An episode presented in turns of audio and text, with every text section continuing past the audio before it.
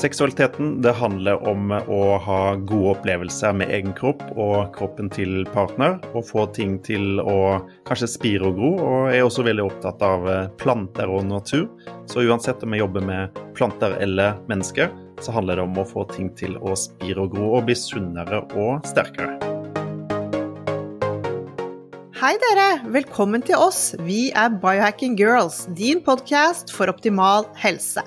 Vi er to jenter bak rattet. Dette er Monica. Og dette er Alette. Vi er biohacking-kollegaer og legger sammen våre erfaringer og kunnskap for å inspirere deg til å ta fatt på biohacking for å optimalisere helsen din.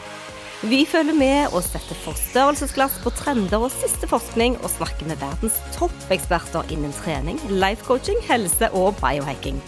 Er du klar for å starte med konkrete hacks, lytte til din egen kropp og ta fatt på din helsemessige reise sammen med oss? Vi ønsker naturlig tilnærming til helsen vår, og vi snakker til både menn og kvinner. Du kan gjerne gi tilbakemeldinger til oss under podkasten her, og slå gjerne til med en god stjerne. Du finner oss også på Instagram og Facebook. Er du klar? Velkommen!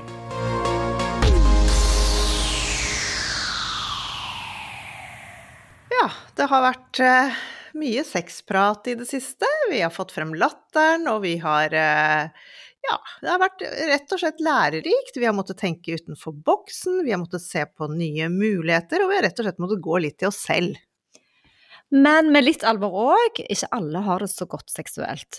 Vi er for stresset og vi er slitne, og vi må vie den tiden til å bli intime sammen. Og sex kan binde oss nærmere hverandre, men det kan òg skape avstand. Det er flere sider av det, og sexprat og leken chat skal ikke skape usikkerhet og enda flere krav på oss. Litt sånn som Camilla Schjelderup sa da hun mistet piffen og gikk til legen.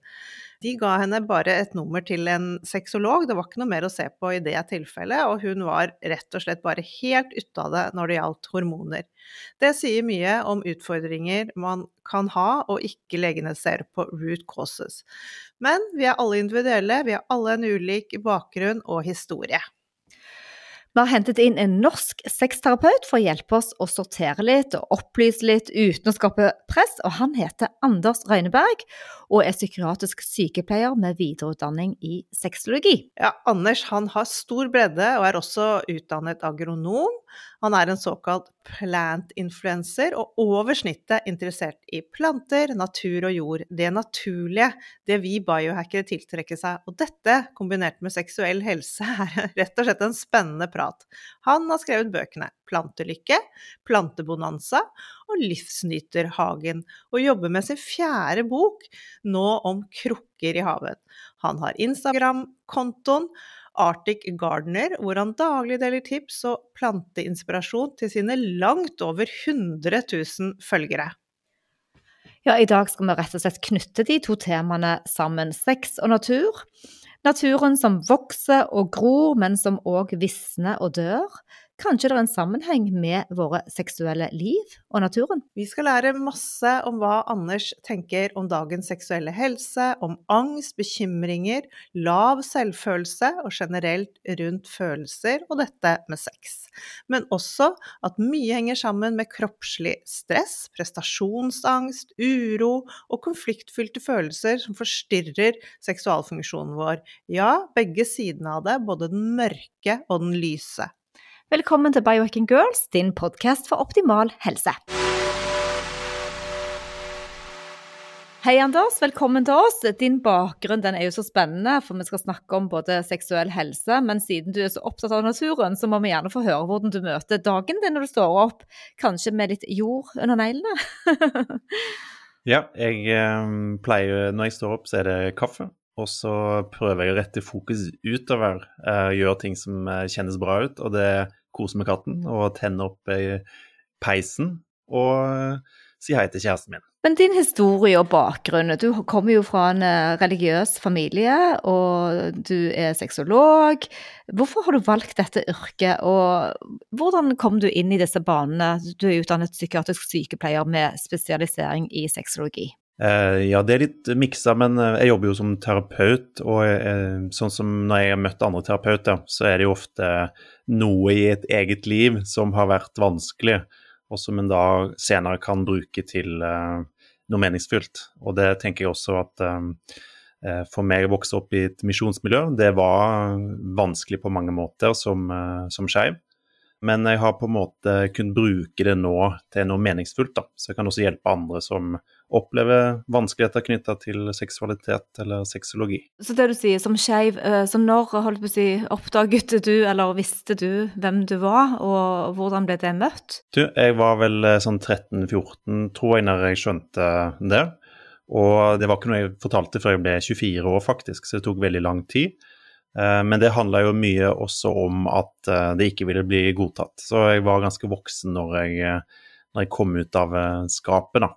Så det var en lang prosess for meg. Ja, for det visste du at det ikke ville bli god, god, godtatt i den menigheten du var med, eller visste du det fra du var liten? Ja, og det er jo et misjonsmiljø som er konservativt i forhold til uh, kan være gjengifte eller abort eller homofiles rettigheter.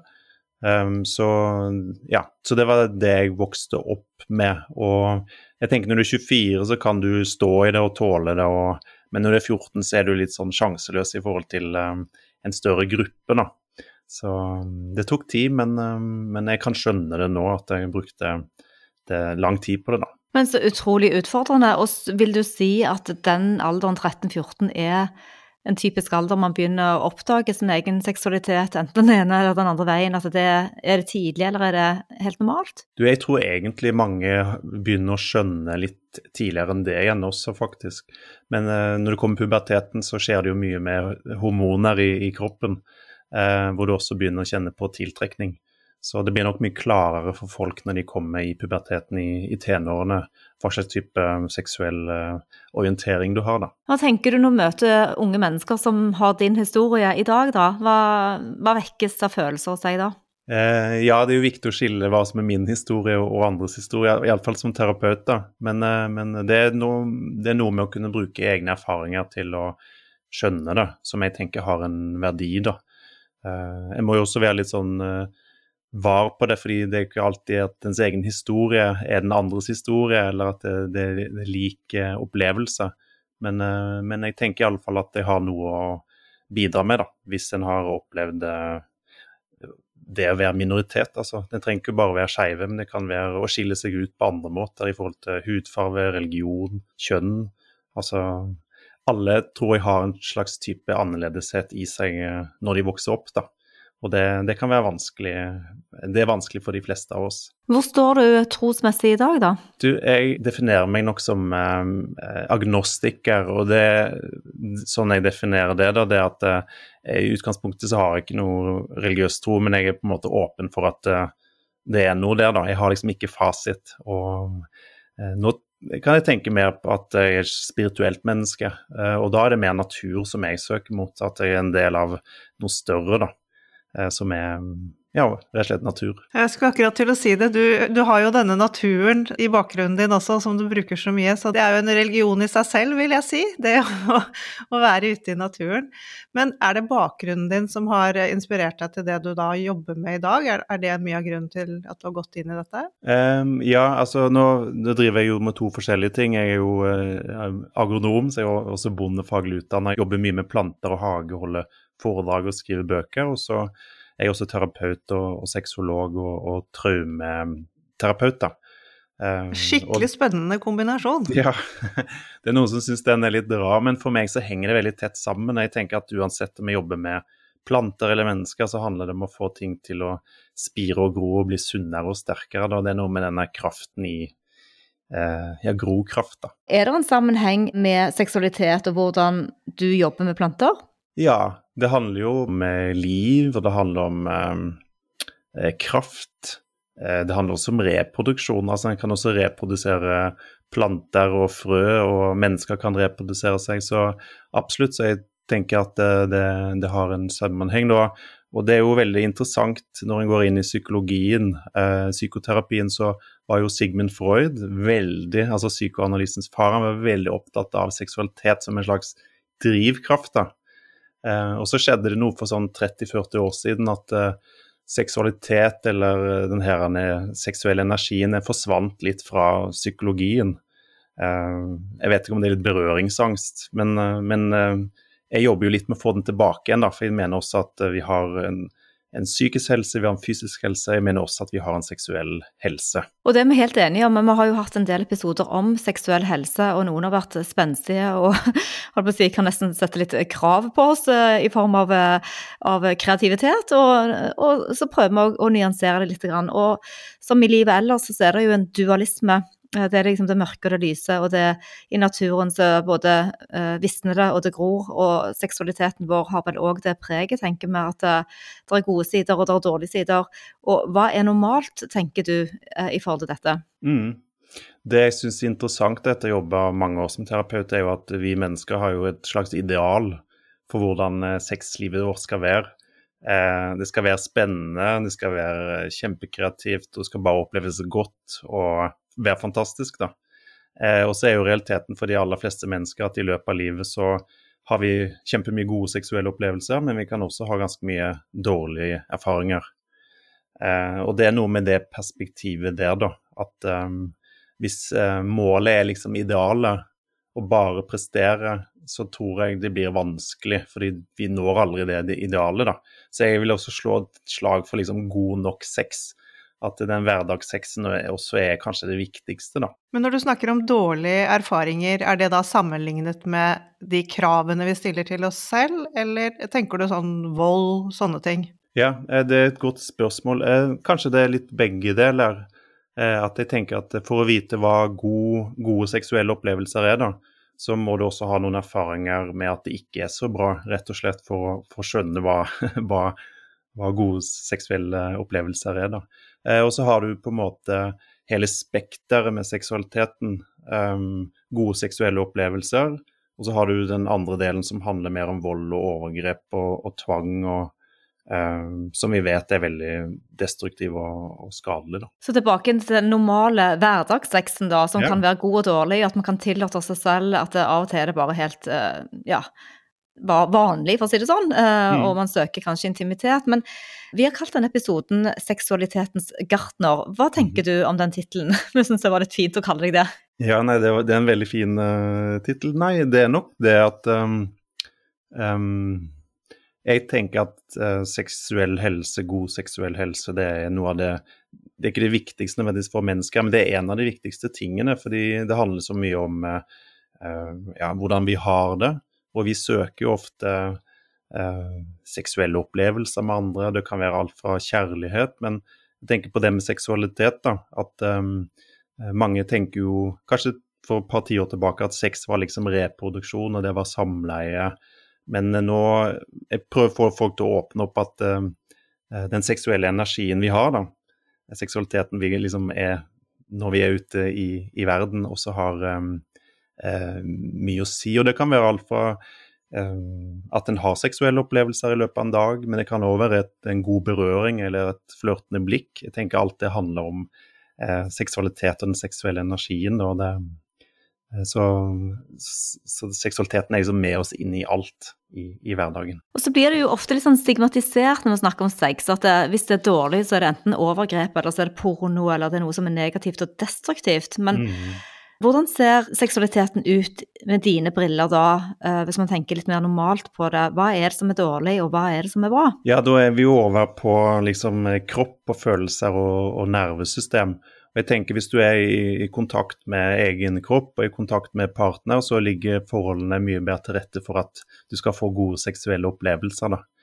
Eh, men hvis du har sex og du opplever deg eh, fjern, eller at du ikke er liksom helt til stede, så vil du ofte få en, en, dårlig opplevelse, eller rett og slett at det er så mye stress og uro i, i kroppen at um, de seksuelle funksjonene våre ikke fungerer og skaper f.eks. ereksjonsproblemer eller smerter ved, ved samleie. Men hvis en er på en måte til stede, uh, har noe kontakt inn og er i kontakt med, med den andre, så er det et godt utgangspunkt for, for gode seksuelle opplevelser. Da. Du tenker at nervesystemet vårt det er på en måte en inngang til å føle både på trygghet og det å kanskje frigjøre deg fra krav og press, og, og, og, i så fall, hvordan kan man jobbe med nervesystemet? Altså, Min opplevelse etter jobb som terapeut, hvis det er én ting vi mennesker virkelig søker, så er det jo ro. Altså, veldig, altså Vi har jo sånn uro i oss som mennesker, vi søker på en måte en ro, da. og og trygghet. Og, og, mange kan finne mye ro og trygghet i, i, gode seksuelle møter også. Og Et eksempel på det er jo rett og slett eh, orgasme. Altså Etter en orgasme så, så, kjenner veldig mange også veldig på en sånn type ro i kroppen. da. Og det er nok en av grunnene til hvorfor vi ønsker å ha sex. Um, det oppleves godt og trygt, og, og det roer rett og slett nervesystemet. Hvordan møter du uh, de som kommer til deg med sine utfordringer? Først er det viktig å ha en eh, kartlegging, hvis de har et seksuelt problem. Uh, det kan være alt fra at de opplever at de har så dårlig selvfølelse, at det forstyrrer seksualiteten, eller det kan være mer sånn sexologiske symptomer som problemer med ereksjon eller, eller smerter. Så det er alltid veldig viktig å først kartlegge hva er det noe her, er det noe medisinsk. Så jeg sier alltid at de må også undersøke hos legen. At vi ikke driver og jobber med noe som rett og slett handler om sykdom. Eh, så det er veldig viktig å kartlegge. Ellers så er det jo også, sånn som meg, da, jeg jobber jo veldig mye med kropp og nervesystem. Uh, og, og, sjekke etter hvordan er det i kroppen din. Går du rundt med mye spenthet? Er det mye stress? Er det mye aktivering i kroppen? Fordi det som skjer i, i kroppene våre når det er veldig mye stresshormoner, det er også at kroppen um, ofte kutter ut seksuelle følelser.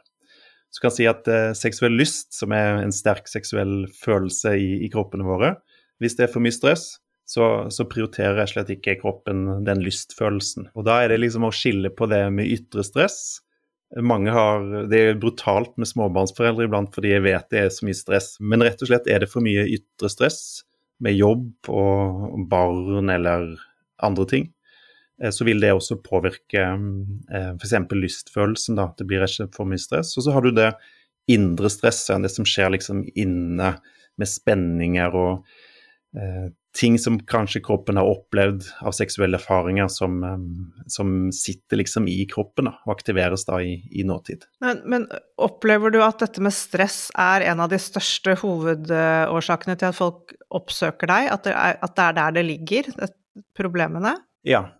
Så, og det er ofte en kombo at uh, det moderne mennesket, vi er så aktivert. Vi, vi er rett og slett uh, ganske stressa i utgangspunktet. Uh, så det å lære folk noen teknikker f.eks. For, for å roe ned nervesystemet, det vil også hjelpe på f.eks. seksuell lyst, hvis, hvis, det er utfordringen. da. Og så er det også mange som mener at, at disse seksuelle problemene det sitter bare oppi hodet ditt. Hva mener du om det? Nei, det er som regel ikke et uh, tankemessig kognitivt problem. så, og kanskje mange menn blir litt overraska over det, fordi de kommer inn og, og, og har ikke en ereksjon som de syns fungerer bra nok, og tenker at det handler om hvordan de tenker. Men, uh, men dette sitter jo mye mer i, i, kroppen, i nervesystemet, da. Så da er det jo å, kanskje første steg å bare lære folk å, å, kjenne etter i kroppen. Eh, er det noe stress her, og hvor setter det seg? Og min egen kropp, jeg kan kjenne sånn som i dag, jeg skal komme hit på podkast, og jeg kan kjenne hendene mine blir litt sånn klamme. Jeg kan kjenne det litt under armen også Jeg kjenner litt sånn tørt i munnen. Og så, så, vet jeg at det, det, kan sette seg litt med spenthet i magen. Og det gjør ikke noe, men, men hvis det blir for mye av det stresset, eh, så, så, skaper det ofte problemer, eh, også i, i, seksuelle situasjoner. Da. Hva gjør du selv for å roe ned den uroen før en podkast, f.eks.? Du, jeg, jeg bruker noe som heter bremsepust, som kanskje dere er kjent med også. Og det er rett og slett at jeg trekker pusten rolig inn gjennom nesa. Og så slipper jeg den også ut gjennom nesa, men da forsøker jeg å bremse tempo. Kanskje halvere til og med tempo på utpusten, da. Så jeg puster rolig inn gjennom nesa, og så puster jeg rolig ut. Um, og det sender jo signaler til nervesystemet om at uh, en kan roe seg. Uh, og det har også masse å si for, uh, for seksualiteten. Og kan jeg bare si litt om nesepust? Fordi det, det er veldig interessant. fordi Um, når vi puster mer gjennom nesa, så frigjøres det stoffer fra bihulene våre som er litt sånn som Viagra. Det fører til um, at blodårene våre utvider seg. Så for både, menn uh, både kvinner og menn uh, så vil det føre til mer blod i klitoris eller penis. Og det øker også den seksuelle lysten, faktisk. Det, det er jo skikkelig kult. Men jeg likte ja. veldig godt det ordet ditt, bremsepust. For jeg, jeg bruker jo den ja. pusten veldig mye, men jeg har aldri kalt det det før. Men det var jo helt genialt. Ja, det er liksom å bremse systemet litt og, og bare fortelle kroppen at den kan roe seg litt ned. Og det kan jo også hjelpe oss å, å komme litt ut av hodet også, og liksom heller kanskje litt mer inn i kroppene våre og få den roen vi trenger før dette her, ja. Og det er et veldig godt poeng, fordi det er jo det det handler om. Det handler jo om å, å kunne være i kroppen sin når en skal ha, ha sex. For hvis en er i hodet, så, så kobler en fra. Da, da fungerer ikke kroppen eh, de seksuelle funksjonene. Da. Men sånn i forhold til befolkningen der ute, fordi dette med, med seksualitet og sånn har ikke vært noe man snakker så mye om, og det har jo vært litt sånn stigmatiserende. Ser du at folk er mer åpne nå i forhold til å søke behandling? Ja, det, det, det syns jeg at jeg ser. Så det er flere og flere som tar kontakt. og Kanskje det å oppsøke en sexolog i dag ikke er så skambelagt som det var tidligere. Så jeg syns jeg ser en endring. Nå er det jo ikke så lett for meg å se det, siden jeg på en måte jobber i det og jeg ser det ikke så utenfra, men, men ja, jeg syns det har skjedd en, en endring. Og podkaster som da her også, som tar opp temaet mye, det tenker jeg er med på å bidra til mer åpenhet, da. Men dette med at ting sitter oppi hodet, for det én ting er jo at man er én person som kommer og snakker med en terapeut, f.eks. deg. Mm. Men seksualiteten foregår jo ofte med to personer, så det er to mennesker som skal kanskje kjenne etter på hvor, hvor er disse redslene og de spenningene. Mm. Uh, og da må man kanskje snakke med paret, ikke bare den ene. Uh, hvordan funker det, da? Ja, um, jeg jobber mest med enkeltpersoner, men jeg jobber også litt med, med par iblant. Men uh, som, og det er et, et veldig godt spørsmål for å se om det er mer et sånn eh, enkeltpersonproblem, eller om det er mer en utfordring i parrelasjonen. Det er jo eh, f.eks. en mann, da. Eh, får han ereksjon når han er på en måte alene, eller morgenereksjon, eller når han onanerer? Eh, og hvis han får det, men får da ereksjonsvansker eh, når han skal ha sex med f.eks. Eh, partneren sin, så er det mer et sånn relasjonelt stressproblem. Så det er en veldig sånn eh, enkel måte å kartlegge på om det liksom handler om paret, eller om det er liksom mer noe individuelt uh, som vi, vi, må jobbe med. Da. Og da gir du konkrete verktøy, og det fungerer som regel, det blir bedre? Ja, altså en jobber jo på litt forskjellige typer måter. Jeg kan liksom ikke fortelle folk helt hva de skal gjøre, altså de må jo finne ut litt selv. Men jeg kan uh, hjelpe de å se hva som er liksom problemet, eller hva som kanskje skjer i relasjonen som forstyrre um, den gode seksualiteten da, mellom paret. Bare tilbake til litt sånn filosofisk og naturen, da, siden det handler mm. om både liv og død og disse kreftene som er både er livgivende og ja, eh, visne litt. Grann. Mm. Og filosofen Augustin han sa jo at seksualiteten den er bærer av det skjønne og det mørke. Altså det skjønneste og det mm. mørkeste. Og det er denne Før så tenkte man kanskje at det var begge deler i et liv. Mm. Uh, hvordan kan man snu den trenden nå som er så veldig sånn ytrestyrt og prestasjonsfiksert, ja. og tenke at, eh, at, man skal normalisere de utfordringene? Og det gjelder jo ikke bare sex, det gjelder jo livet generelt. Mm. Ja, Hvis du ser på det med prestasjon, da, så tenker jeg det, det er litt sånn symptom som også gjør noe med seksualiteten til det moderne mennesket. Eh, og kanskje porno har hatt noe å si der også, at vi er veldig opptatt av å prestere. Og, ja, for meg selv, da. Jeg er jo opptatt av å få til ting og vil være flink. Og, eh, men, men, eh, men, det gjør også noe med seksualiteten til, til, folket, tror jeg, da. Og noen kan jo komme inn og også si at eh, når de har sex, så blir de veldig sånn i hodet. Det er nesten som de kan se litt seg selv utenfra og, og vurdere seg. Er de bra nok når de har sex? Ser de bra nok ut? Gjør de på rett måte? Eh, så mye av den gode seksualiteten handler om å kanskje koble mer fra det og komme ned i, liksom, i kroppen og være til stede med seg selv og med partner. Um, og det er der den, den, gode opplevelsen og nytelsen sitter, syns jeg, da. Eller tenker jeg rundt det. Og så er det jo litt forskjell på mann og kvinne, sant? og dynamikken der. Man er fysiologisk forskjellige og ja, bruker forskjellig tid på å få en optimal opplevelse i seksualiteten. Uh, er det noe der man kan jobbe mer med? Jeg, tenker sånn god basic eh, seksualitetsundervisning også, som bør være gjennomgående på skolene. At en skal liksom vite hvordan kroppen fungerer, eh, hvordan kroppen til den andre fungerer. Og kanskje også dette med, med grenser. Hva er greit å gjøre med min kropp, og hva er greit å gjøre med, med andres kropp. da. Så jeg har også tro på god seksualitetsundervisning. Samtidig så har jeg ikke tro på å skulle fortelle alt i detaljer. Jeg tenker seksualiteten skal også erfares og utforskes Eh, så det tenker jeg også er, er, verdt å ha med seg, da. Ja, det likte jeg veldig godt, for ellers så blir det bare prestasjon hvis du hører liksom hva det skal være hele tiden. At man, dette må man faktisk finne ut av selv. Veldig, veldig bra. Mm.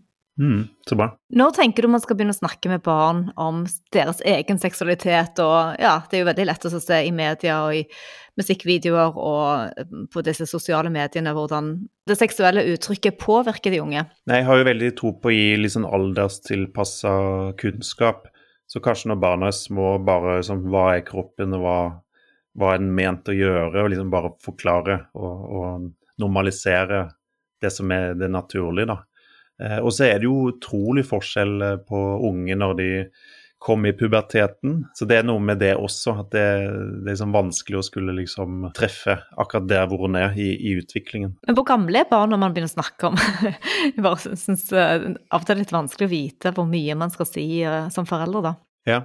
Du, jeg har, ikke, jeg har, ikke, barn selv, og jeg jobber ikke med barn. Så jeg er kanskje ikke den beste til å uttale meg om det, men, men jeg tror barn er nysgjerrige, og hvis de får gode svar, så er de ofte fornøyd med det, da. Det er ikke så veldig vanskelig, fordi jeg er jo forelder selv, og ja. du merker fort hvis du er for tidlig ute. Det, ja. det, det, det, blir veldig tydelig, da kan du bare bremse litt og så vente. Men det er jo veldig fint også at barna kan eh, si fra og sette, sette grenser, da. Ja.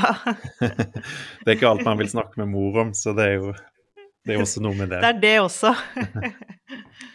Men dette med livsstil og sex, det er jo mange faktorer som henger sammen for å ha det godt. Eh, noen mm. ganger så tror man at eh, litt eh, alkohol kan lette stemningen, at det kan være bra, men man kan være preget av dårlig mat eller mangle søvn. Mm. Her er det jo mange sammenhenger å ta hensyn til òg. Mm. Ja. Ja, men jeg tenker også at jeg tenker helhetlig når jeg jobber med pasienter, da. Så vi vet jo at uh, godt kosthold og trening er bra for kroppen, og det er også bra for seksualfunksjonene våre. Så absolutt uh, det spiller inn også. Uh, så det er jo noe vi har med inn i, i når man jobber med, med pasienter. Det kan jo på en måte ikke hjelpe de med, men jeg kan jo være med og, støtte de i det. Og så er det jo mer kanskje det indre som jeg um, har fokus på i, i terapien, da. hvor jeg også da bl.a. bruker sånn EMDR som er en, en terapiform som er eh, den går veldig på nervesystem da, og stress. Ja, Dette må du forklare. EMDR, for det er en spennende type traumebehandling. Hva mm. står mm. det for? Og det er ikke veldig mange i landet som gjør denne type behandling. Fortell litt, eh, Anders. Ja, det er rett og slett eh, uh, og det, sånn, det, å skulle forklare en metode på, på, et par setninger, jeg skal prøve, men det er rett og slett å bruke kroppens naturlige mekanismer for å kvitte oss med stress og ubehag som, eh, som er gammelt, og som sitter på en måte mer i, i kroppene våre. Eh, F.eks. For i forhold som kan forstyrre seksualiteten vår. da. Um, så EMDR det står for Eye Movement and Desensitation and Reprocessing. Og det er rett og slett uh, en prosessering ut av, av gammelt ubehag. Um, og um, en av teoriene på hvorfor det fungerer så godt, Eh, det er jo at når vi sover, så har vi jo da rem-søvn. Eh, og jeg kaller den nattens psykolog, fordi det er ofte da vi bearbeider ting, og så kan vi våkne på morgenen og føle oss bedre. Og i rem-fasen så går jo øynene våre fram og tilbake, eh, høyre-venstre, så det blir en slags takt. Så når en pasient kommer og skal ha EMDR-behandling, så kan du gjenskape litt den der øyebevegelsen høyre-venstre Eh, for å få i gang denne prosesseringen ut av det, det gamle stresset og ubehaget i, i, kropp og nervesystem. Og så vil mange oppleve seg um, lettere etterpå. Uh, at det gamle ubehaget slipper liksom litt tak rett og slett i kroppen. Når oppsto denne behandlingen, og hva slags type forskning i forhold til resultater er det på dette? Det var egentlig en sånn traumeterapimetode, og sånn som jeg har skjønt det, så ble den brukt mer i forhold til krig og krigsveteraner. Og så har den vist seg effektiv også på angst og depresjon og selvfølelse, f.eks. Så en kan liksom jobbe ganske bredt med den. Og så er det en, en traumeterapeut, en lege som heter Bessel van der Kolk, eh, som har boken 'Kroppen eh, holder regnskap', eh, som er en veldig god bok. Kanskje dere har lest den også. Men han er veldig Hva skal jeg si han, han, snakker mye varmt om den EMDR-metoden, da. Så, så ja, absolutt. Den har, den har, noen gode forskningsresultater også. Er det jo, metoden funker kjempegodt på andre, mens, eh, mens, på andre igjen så vil den ikke ha det resultatet, da. Men jeg har veldig god erfaring med å bruke den. Men hvordan foregår selve behandlingen? Du kommer inn til meg og du ønsker en EMDR-behandling.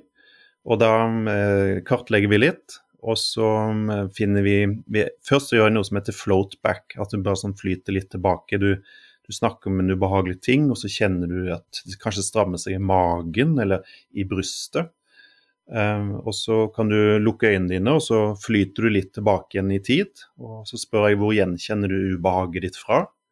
Og, og når begynte det, liksom, hvor havner du da? Og kanskje du kommer opp i en sånn dårlig opplevelse eh, som handler om en, ja, en, dårlig kroppslig opplevelse. Da. Eh, og så begynner vi eh, Så ber jeg pasienten ser på fingrene mine, som jeg beveger da fra høyre til venstre. Og så fokuserer du på ubehaget i kroppen, ser på fingrene. Jeg bruker også iblant å tappe på knærne, høyre-venstre, høyre-venstre, den samme takten der. Og så opplever mange at det kan komme tankerekker, det kan komme minner, det kan komme følelser, eh, ubehag. Og etter en sånn sesjon så vil mange oppleve at eh, ubehaget slipper litt taket i, i, kroppen. Og Det jeg syns er mest interessant, er at eh, mange kan ha en opplevelse litt sånn før og etter. fordi med EMDR så eh, Det er akkurat som du kommer litt tilbake igjen i kroppen. Eh, og hvis du opplever traumer, da, traumer betyr sår eller, skader, så kobler kroppen litt fra. Den blir litt sånn fjern. Og, og, så EMDR er også en liksom, god måte liksom, å koble seg på igjen. Så den virker på litt forskjellige typer måter. Da. Hvor mange behandlinger eh, er nødvendige? Det høres jo veldig effektivt ut. Ja, og så er det jo forskjellig, og det spørs hva slags type eh, vanskelige opplevelser man har med seg. Eh, for noen så kan det Jeg har en sånn 90 minutters behandling som er en sånn en sånn første time. Eh, og mange kan også oppleve effekt av det og være fornøyd med det. Det spørs jo litt hvor langt du vil, vil gå, og hvor dypt du vil dykke inn i det. Eh, men jeg har også andre som går og har flere timer enn det. Så kanskje sånn opptil 10-12 timer. Og det betyr at folk som kommer og får denne behandlingen, kanskje de har lav selvfølelse eller uro, angst, så blir dette bedre, og de får nye si, synapser i hjernen til å håndtere eller forstå de gamle minnene sine. Ja. Så um, det er iallfall min erfaring med det. Så de fleste opplever at uh, det har iallfall en slags effekt. da. For noen har det en veldig god effekt, for andre så, så oppdager de kanskje at det er en liten endring. Og så er det jo, det er jo med traumer òg at en skal være litt varsom. fordi hvis en bare begynner å jobbe, og så eh, kanskje kroppen blir så aktivert at en tror nesten at det er like farlig på ny. Og da kan du bli dårligere av behandling. Så det er derfor det er viktig også som terapeut å sjekke inn med um, er vi liksom innafor, eller er kroppen i fare? Og da spør jeg ofte er du kvalm, eller er du svimmel, eller føler du deg helt fjern? Og det er ofte tegn på at da er en over terskel, da er en overvelda. Så da må man på en måte puste seg ned, komme ned igjen i kroppen, roe kroppen. Så kroppen har også noen sånn tegn på at det, det, er for mye, da. Men, men, du bruker dette her i, i forhold til uh, seksuelle traumer, eller ja. generelt? Det, kan, det kommer vel sikkert opp hva som helst når du, når du begynner med denne terapien, vil jeg, vil jeg, tro? Ja, altså funker også veldig godt generelt. Men uh, siden jeg har en sexologi-videreutdanning, så kommer mange til meg fordi det har satt seg i forhold til det seksuelle, da. Så, men, eh, men, eh, altså, jeg jobber også med angst og depresjon, og, og ofte er det knytta sammen med seksualitet. Da. Ja, ikke sant. Mm. Du, kan vi ikke gå litt tilbake til rem-søvn og det vi bearbeider om natten uh, mens vi ligger og sover, for det er jo da en litt sånn kreativ tilstand. Uh, hva skjer med seksualiteten vår når vi sover? Ja, og det er et godt spørsmål. Altså, jeg tror nok i rem-søvn nå at mange kan oppleve å ha seksuelle tanker eller fantasier, på godt og vondt, holdt på seg. At det er liksom både gode ting og Uh, og noen, uh, kanskje spesielt mer vanlig med menn i yngre alder, også at de kan få sedutløsning f.eks. når de sover. Om det er så knytta til rem-søvn, det vet jeg ikke, men, men kroppen har iallfall et seksuelt liv også når vi, vi sover. da. Så... Ja, Hva skyldes egentlig det, at man får en utløsning eller en orgasme mens man ligger og sover? Nei, det tror jeg handler om drømmer, og at det blir så intenst i kroppen rett og slett at uh, kroppen bare følger sin naturlige respons. Så, og det er jo egentlig bare et sunnhetstegn. du drømmer at du har hatt sex med naboen, og så får du noe orgasme, og så er du med på eventyr, liksom? ja, det tror jeg. Så, ja. så det... ja. Av og til kan det egentlig ofte Nei, nei. Det er synd vi ikke husker det, da. ja, det er det, vet du. Så, ja. det er jo mye, mye, av dette er jo rett og slett det ubevisste også. Så vi kan jo få tak i mye av det ubevisste i oss, men kanskje ikke alt. Det, men ja, hvis en er nysgjerrig på å finne ut av seg selv og egen historie og seksualitet, så, så kan en gå ganske dypt med det. da. Ja, det er jo veldig mange som husker drømmene sine. altså Det er veldig mange som ikke husker drømmene. Vet du hvorfor det er sånn? Mm. Vi er jo veldig forskjellige. Ja. ja, nei, jeg er ikke noen sånn søvnekspert, men jeg, jeg syns jo det er veldig interessant. Men det handler nok mye om nervesystem og, og de her ulike søvnfasene. Jeg vet i alle fall at hvis en ikke får den her eh, Hvis en ikke får nok timer eller går dypt nok, eh, så får en jo ikke den her rem-effekten. En får ikke prosessert naturlig på, på natta. Så eh, jeg har hatt en pasient for et par uker siden som fortalte meg at han sov fire timer hver natt. Og det er rett og slett for lite. Og da får ikke kroppen jobba bra nok på natta, da. Så jeg vet at dere er opptatt av søvn, og det er jo kjempeviktig også for, for seksualiteten og um, lystfølelsen og alt det der. Ja, for å komme gjennom alle de uh, fasene som man trenger, både for cellefornyelse og reparere og ja. Du Anders, eh, du er altså en eh, agronom eh, og driver med planter, og du har gitt ut tre veldig fine bøker. Og du skriver på slutten på den fjerde boken din nå, og du har Instagram-kontoen Arctic Gardener. Siden du nå er seksualitetens gartner, kan ikke du fortelle oss litt om gartneryrket ditt òg? Ja, altså, jeg er utdanna agronom, så det er en sånn bondefaglig utdanning. Vokste opp på gård. Uh, alltid vært veldig glad i å få ting til å spire og gro, og veldig opptatt av dyr. Når jeg flytta ut av Oslo og fått meg uh, høner og katt, jeg syns det er en fantastisk uh, ting. Det er også en måte liksom, å komme i kontakt med, med natur på, det å, det å, ha dyr. da. Um, men um, jeg begynte jo med Arctic Garden, denne Instagram som er en slags planteinspirasjonskonto, for en, ja, syv år siden. Jeg la ut masse bilder av plantene mine fra Sankthanshaug-leiligheten, og fikk kjemperespons eh, for både inn- og utland. Og skrev da bok eh, som het 'Plantelykke' med, med, kjæresten min. Og den gjorde det kjempebra. Den oversatte ti språk, og tydeligvis det var et eller annet der med planteglede som appellerte veldig, da. Og jeg uh, har jo veldig tro på å gjøre mer ting som kjennes bra ut for oss og for meg. Og veldig mange så handler det jo om kontakt med planter eller natur, enten du går i skogen eller, eller holder på med planter hjemme, da.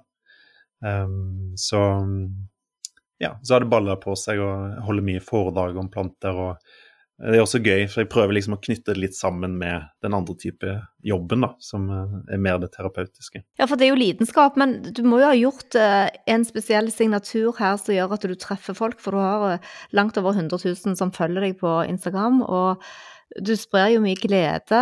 Vi er utrolig opptatt av å komme i kontakt med naturen daglig og kan nesten ikke få nok av det. og Vi blir på en måte litt fremmede som vesener, og når vi blir fremmede for naturen, så blir vi òg fremmede for oss selv og for relasjonene våre. Ja, absolutt. Eh, og når du sier det, så tenker jeg at eh, en av de yrkesgruppene som lever lengst i Norge, er jo faktisk gartnere, og det sier litt om potensialet eh, for hvor sunt det er for oss å holde på med, med natur eller planter eller hva det er for noe. da. Eh, så, ja. Og det er antageligvis noe du har vekket, fordi nå bor jo de fleste bor jo i store byer uten noe særlig tilgang på natur. Og når de da mm. har sett denne Instagram-kontoen din, for det viser seg jo også at bare ved å se bilder av natur, så vekker det en sånn mm. glede mm. inni oss, og en sånn, at vi trenger det. Så det, der traff du veldig bra. Jo, takk for det. ja, da, eh, ja jeg, rett. Jeg, jeg traff nok noe veldig i i tiden der, ja. Det heter vel biofilia, gjør det ikke? Jeg tror det. Ja, jeg har hørt, hørt, hørt I Japan, hvor man setter opp. Jeg ser nå, Sist jeg var i Malaga òg, mm. så har de fått en sånn stor oase på veggene ja. hvor det henger planter. Og man er blitt mye bedre i større grad til å skape naturen inn i det urbane bildet. Og tenk på det, at det er en undersøkelse som viser at uh, hvis um, vi har tilgang til å se natur eller en park når vi ligger på sykehus, Eh, så ser vi også at eh, vi heles, altså sårene våre gror kjappere. da. Der tenker jeg også et kjempepotensial for skoler, fengsler, institusjoner, med liksom å ha mer fokus på natur og, og planter. da. Fordi det er rett og slett eh, det fører det er god folkehelse, tror jeg, da. Men du, hvordan tror du det er med sexlivet på landet til bønder og gartnere? Tror du de har det bra? altså, det er vel utfordrende for alle, eh, og bra for alle, kanskje litt uavhengig av yrkesgrupper, men men ja, nei, det er jo kanskje mer naturlig. Altså, jeg er veldig glad for at jeg vokste opp på gård. Og der så vi på en måte dyr pare seg, og det, som, det var helt på en måte naturlig. Så det har liksom aldri vært noe issue for meg. Så det er kanskje noe med det perspektivet også, da. Altså Med den uh, indremisjonsbakgrunnen din, da, Anders, det er jo litt fristende å tenke litt over Adam og Eva og slangen i paradiset og de, den nydelige hagen de gjorde sine synder i. Har du noen refleksjoner rundt sex og natur i forhold til uh, bibelhistorien? Nei, men når du sa det nå, så tenkte jeg at jeg er veldig glad i epler. Jeg spiser epler hver dag. Sundige epler. så det er noe underbevisst der, kanskje, som, eh, som påvirker. Nei, men det tenker jeg det er interessant liksom med seksualitet og, og hele historien fra Bibelen og, og lenger tilbake. Da, at det, det jo, vekker jo masse følelser i oss, og vi blir nysgjerrige. og det, det, det er god storytelling, da. Så ja. Nei, vi, vi, er nok uh, langt mer opptatt av uh, seksualitet og har den mye sterkere med oss eh, gjennom livet enn det vi tror. jeg tror også det er et stort potensial for mange å, å, å utforske mer med hva slags type seksualitet en, en, har. da. Er ikke det hele overlevelsen vår, den seksu seksuelle driven? Hvis ikke vi hadde hatt den, så hadde vi vel ikke overlevd som mennesker, for det er jo det som fører oss videre. Absolutt. Det er jo den reproduksjonen. Ja, så det er klart den er sterk. Den er kjempesterk. og og det handler om reproduksjon. Men uh, de gangene vi har sex, så er det ikke primært bare fordi vi vil uh, få barn eller reprodusere oss.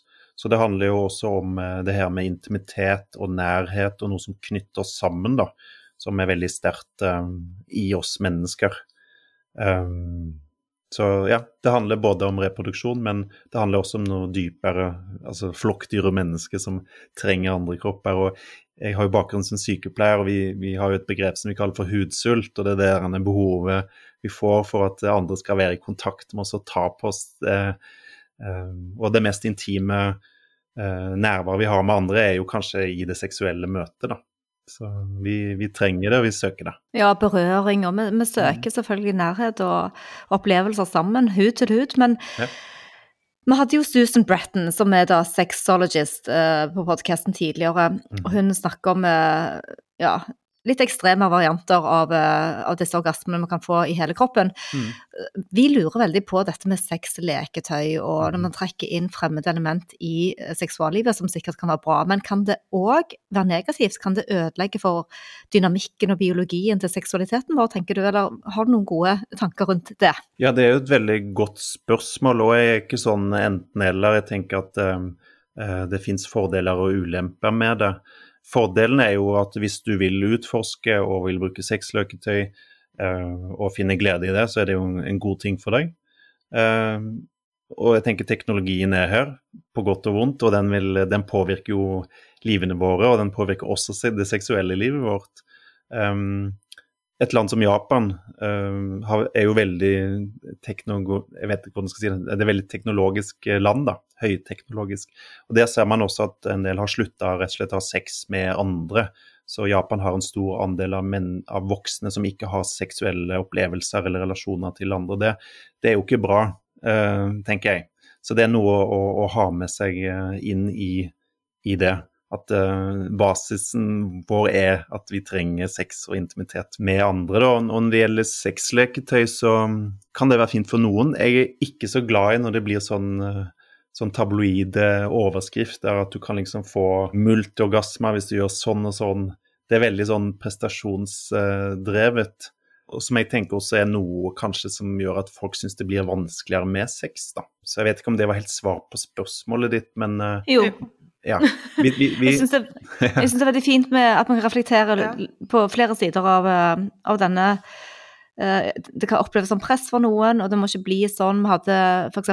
Camilla Kjeldrup her som hadde kommet i overgangsalderen, hun var gjest på podkasten og fikk beskjed fra legen at uh, du kan ringe til denne sexologen. Mm. Men poenget hennes var jo at hun hadde bare mistet østrogener. Sånn, men Ja. må hele tiden tenke hver og en har sin egen historie.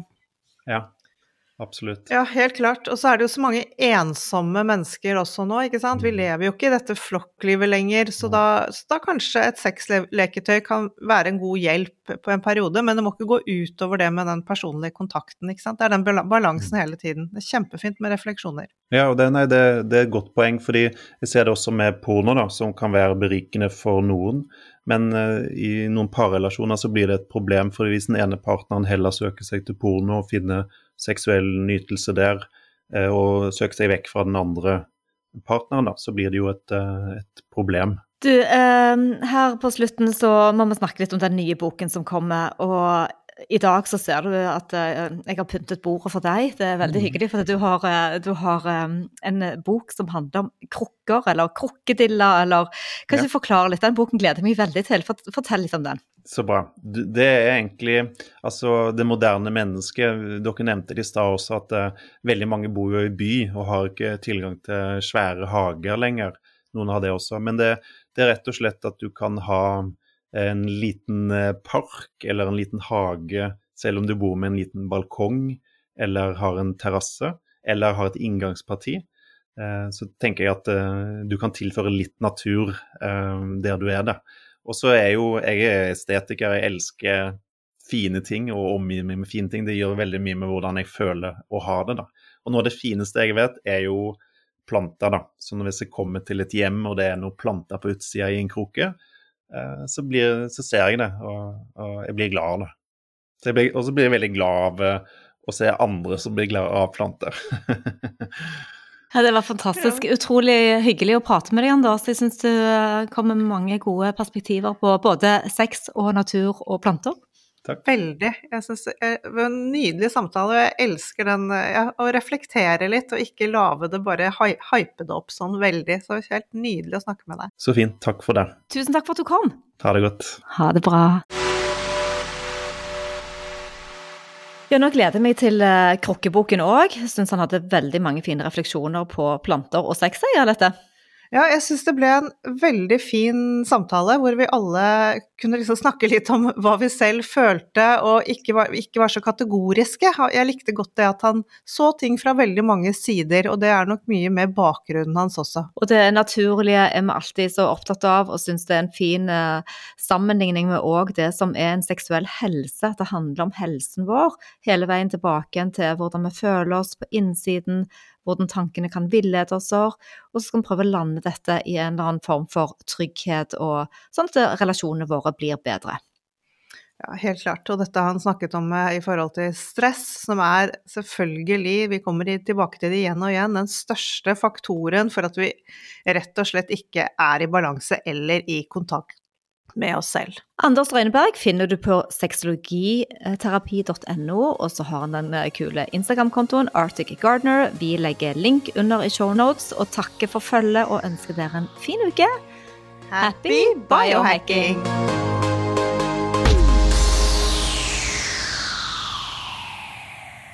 Vi minner om at dere må snakke med egen lege eller kostholdsveileder om dietter og andre spørsmål relatert til medisiner og supplementer. Informasjon vi deler kan ikke bli brukt til å diagnostisere, behandle, forebygge eller kurere noen sykdommer eller tilstander.